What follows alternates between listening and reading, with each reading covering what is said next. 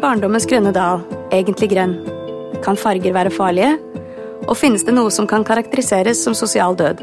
Velkommen til Akademisk kvarter, en podkast fra Cappelen Dam Akademisk, hvor du denne uken skal få møte forfatteren av boken Urbant ungdomsliv, natur og følelser, Tuva Beyer Broch. Sosialantropolog ved Norsk institutt for naturforskning, i samtale med meg, Shanti Gilseth Sechane. Jeg er klinisk psykolog og journalist, og til daglig jobber jeg i Leger uten grenser. Velkommen hit, Tuva. Takk. I forkant av denne podkasten har jeg lest boken din, og det koste jeg meg veldig med. Så eh, helt innledningsvis så vil jeg gjerne si at jeg syns at du skriver elegant, lærerikt og nytenkende. Og ikke minst emosjonelt nært. Det er eh, som du skaper nye nevronale forbindelser, hvis jeg kan si det sånn, mellom elementer som farge, natur og indre liv. Man blir beveget av denne boken, man leser den med hele seg, og reaksjoner kroppsliggjøres samtidig som sinnet stimuleres. Man får også lyst til å dele denne boken med andre mennesker, så på den måten så er det en prososial bok, vil jeg si. Og når jeg tenker på hvem jeg vil dele den med, så er det veldig forskjellige mennesker jeg tenker på, og de kan og gjør helt ulike ting, og har sin tilstedeværelse i ulike deler av samfunnet. Så hvem skrev du den for, egentlig? Har den en målgruppe, syns du? Oi. Først og fremst eh, tusen takk for måten du beskriver boken på. Jeg eh, håper andre vil lese den med et så åpent sinn som det du gjør. Um, og målgruppe, ja. Da tror jeg jeg vil si at de bøkene som har rørt meg, det er monografier som drar meg inn i menneskers levde liv emosjonelt. Og som jeg lærer noe nytt om det å være menneske av og ved å lese, da. Så når jeg skrev, så har eh, språk og nærhet til det levde liv vært viktigere enn å tenke målgruppe, om det er lov til å si, i eh, en akademisk setting. Uh, ja, så jeg har nok har et sterkt ønske om, om, å nå ut til deg, selvfølgelig som fagperson. Men så har det også vært samtidig veldig viktig å kunne vite at deltakerne som faktisk som jeg skriver om, da, at de også kan lese denne boken, at den er tilgjengelig for dem. Mm. Mm. Ja, du nevner språk, og det er interessant, fordi i forordet sitt til boken så sier jo Finn Skårderud nettopp dette at jeg er blitt glad i denne boken av dens språk. Mm. Og jeg forstår godt hva han mener, fordi det er en poetisk framstilling av likevektens poesi, som du jo også beskriver. Eh, og du har valgt å inkludere f.eks. hiphop-tekster i materialet ditt. Mm. Så hvis du tenker på ditt eget språk, hvor kommer språket ditt fra, tror du? Mm. Ja. Jeg tror det er både oppvekst og fagretning som jeg valgte, eller endte opp med å velge. Da.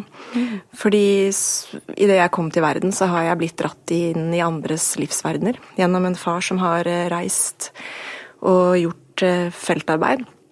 Så gjennom hans historier mye, og også min farmor som har fortalt historier fra under krigen, f.eks så har jeg blitt dratt så dypt inn i historier og andres menneskeliv da, at jeg har følt tilhørighet til steder jeg ikke har vært. Eh, og savn for mennesker jeg ikke har møtt, eh, men følt at jeg har kjent allikevel. Så jeg lærte veldig tidlig om makten som Eller ikke makten, men den virkningen historier kan ha på oss. Eh, og så er det fagretningen som det er psykologisk antropologi. Mm. Eh, for jeg savnet noe i antropologien i starten, og det var emosjonene. Så når de brikkene falt på plass for meg, så gjorde det noe med, med meg også, måten jeg skriver på. Og så må jeg jo nevne Finn Skårderud, som du alt har, har eh, sagt skrev forordet mitt. Fordi det å få lov til å ha samtaler med han underveis, eh, og møte fagpersoner som kan snakke fag uten sjargonger og, og hva skal jeg si, sånne overhengende store teorier, da, men bare eh, snakke tungt faglig, men på en lettfattelig og livsnær måte. Eh, og at han kunne gjøre det med meg, det gjorde at jeg også kunne finne trygghet i den måten jeg har valgt å skrive på. Ja, Du snakker eh, om historier som har berørt deg i oppveksten. Hvorfor er det så viktig å fortelle historier, tror du? Ja, En av de som virkelig setter ord på det, er jo romanforfatteren Adiche, som uh, snakker om the power of a single story. Og det hun påpeker, da, det er faren ved å kun høre én historie som forteller deg da, om én måte å være på, én måte å vokse opp på. Um, fordi at disse historiene de former oss jo som barn. Historiene vi blir lest og fortalt og, og hører av de rundt oss, det, det, former identiteten vår. Sånn at det å få mange mange ulike historier som forteller om ulike måter å være norsk på, uh, ulike måter å vokse på, ulike måter å være voksen på, og barn og ungdom, ikke sant, alle sjatteringene som fins i menneskeliv, da. Når vi mm. får disse inn fra i en ung alder, så gjør det noe med nysgjerrigheten vår og åpenheten vår til verden, tror jeg. Ja. ja. En av historiene vi hører mye om her i Norge, er historien om barndommens grønne dal. Eh, og jeg må innrømme da jeg leste boken din, for du skriver jo også om barndommens grønne dal der, og da tenkte jeg litt sånn Ja, jeg er oppvokst i urbane Oslo. Og gresslettene jeg vokste opp eh, rundt, det var der nynazistene jaktet på barn med melaninrik hud på motorsykler, og av og til så stakk de dem ned med kniv. Eh, og skogholtene som jeg beveget meg rundt, var der blotterne var, hvis de var. Så jeg lurer litt på, er det sånn at beskrivelsen av barndommens grønne dal er preget av en porsjon naturromantisk sorts naiv tiltro til idyll? At det er bilder uten mennesker og det menneskelige dramaet i seg? Oi, shanti. eh, ja. Eh, svaret er både ja og nei, ikke sant.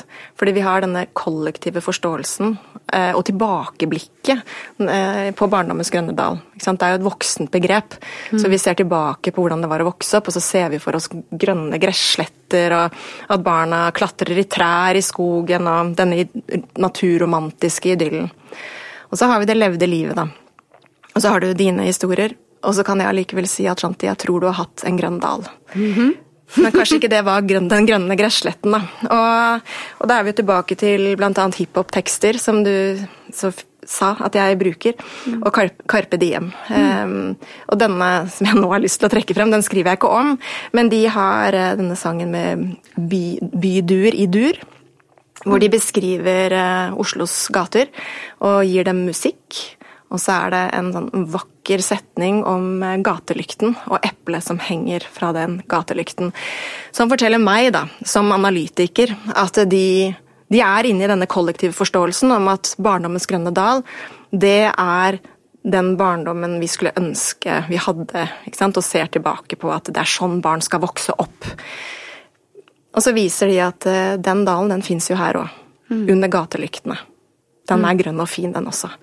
Det, og det viser ungdommene i denne boken også. De, så jeg har jo Jeg tuller ikke med det, jeg er egentlig ganske alvorlig når jeg sier at eh, er denne barndommens grønne dal, er den egentlig hvit? Måten mm. den forstås på kollektivt. Ja. ja det eh, Du skriver en del om farger i boken din på mm. ulike måter. Mm. Så vi må vel kanskje snakke litt om farger. Um, du har beskrevet eh, at enkelte farger er vanskeligere og mer skremmende å skrive om enn andre. Mm. Og jeg vet at noe av det som gjør deg mest redd, er det å skrive om hudfarge. Hva er det som gjør det så skremmende, og hvorfor følte du likevel at du måtte forsøke? Mm. Ja, hvorfor gjorde jeg det? det startet med press.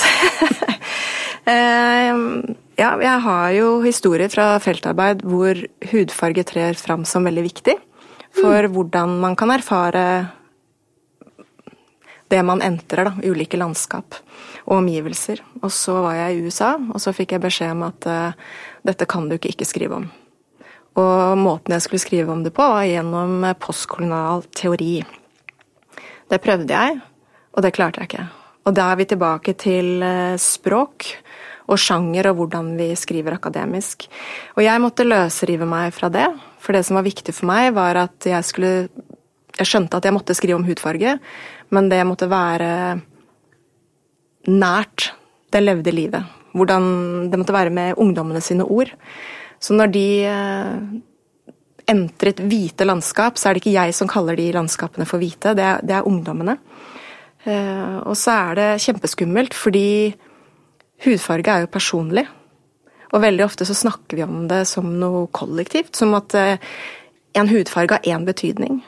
Og det er skummelt med denne boken, fordi dette er en bok om individer.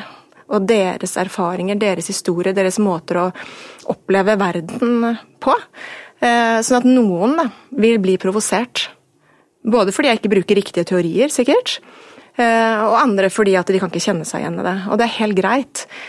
Men så håper jeg også at det er ganske mange som kan kjenne seg igjen i, disse historiene.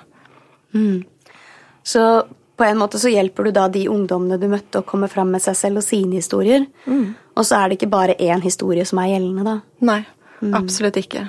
Det, men det er viktig, for da er vi tilbake igjen at det er ikke bare én historie. Vi må sette de sammen. Og disse ungdommene, jeg tror ikke de står alene. Sånn at eh, Det er ikke én historie for seg selv, det er jo mange historier i denne boken, men eh, historien om hudfarge er også viktig. Vi trenger å reflektere rundt det, og, og vi trenger å tørre å snakke om erfaringer gjennom hud. Denne boken springer jo ut av et feltarbeid. Og i løpet av de to årene du fulgte disse ungdommene, observerte du i samspillet mellom dem noe som du har beskrevet som en redsel for sosial død. Kan du fortelle meg litt om sosial død? Ja. Eh, sosial død. Det er dramatisk, da. Så nå er det de som lar seg provosere av det jeg skriver igjen. ikke sant? Å, må du være så dramatisk? Og så tenker jeg ja, det må jeg. For at livet er jo dramatisk. Og, og i møte med disse ungdommene igjen, så var det mange som snakket Hvis vi skulle gjøre en ny aktivitet, endre nye landskap, så sier de åh, jeg vil ikke dø heller, da. Hvorfor skal jeg gjøre det her? Er du dum, eller? Ikke sant? Jeg vil ikke dø. Skjønner du ikke? Så tenkte jeg hvorfor denne døden hele tiden? Og så er det mange som har tenkt at det, det er jo sånn man sier, at man vil ikke dø. Og det er bare en sjargong. Men så setter man alle disse historiene sammen, og så ser man når er det de sier det. Jo, det er alltid andre ungdommer der, og det er i situasjoner hvor de er usikre, litt redde. Så i de situasjonene jeg var sammen med de, da dreide det seg ikke om at de døde fordi de så, så idolet sitt på en scene, da. Det dreide seg om en redsel for å dø sosialt. Og det vil jo si at hvis de driter seg ut skikkelig, så vet de ikke hvordan det vil være å komme tilbake på skolen dagen etter, eller møte vennene, fordi de, kanskje har de brutt eh, normer og regler for hvordan det er å være ungdom, og det er skummelt. For du vet ikke hva som vil skje. Du kan kanskje dø sosialt. Og stå helt naken igjen uten noe trygghet. Og kanskje er det ikke voksne hjemme engang som kan holde rundt deg og si at dette går bra. Så det du forteller meg, er at eh, tanken på, eller kanskje til og med angsten for, sosial død er dødsalvorlig. Mm. Men er det sånn at det kan komme noe etter en sosial død, tror du? Ja, det er det jo. Eh, Og det å dø sosialt er jo ikke det samme som å dø. Ikke Nei. sant? Så her tror jeg jeg har lyst til å fortelle om Nora, som eh, rørte meg dypt, faktisk. Eh, Hun skulle ut i kano og var kjemperedd for dette her, og sa at 'jeg vil ikke dø heller'. Gjentatte ganger og var veldig sint. Og da var det jo ungdommer ved siden av henne. Og så kom hun seg til slutt ut i den kanoen og ut på vannet. Og der satt hun eh, sammen med en trygg voksen person. Hvor jeg da ser at plutselig skuldrene senkes, og hun lener seg over åren og vugger der frem og tilbake, og så hører jeg henne si 'her kunne jeg ha sovet'. Og det jeg tenker skjer i den situasjonen, er at Nora hun erfarer en indre reise.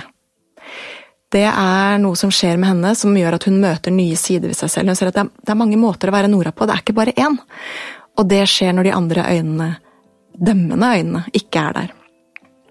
Og da er det noe med at dette skjer jo i andre sammenhenger også, disse indre reisene.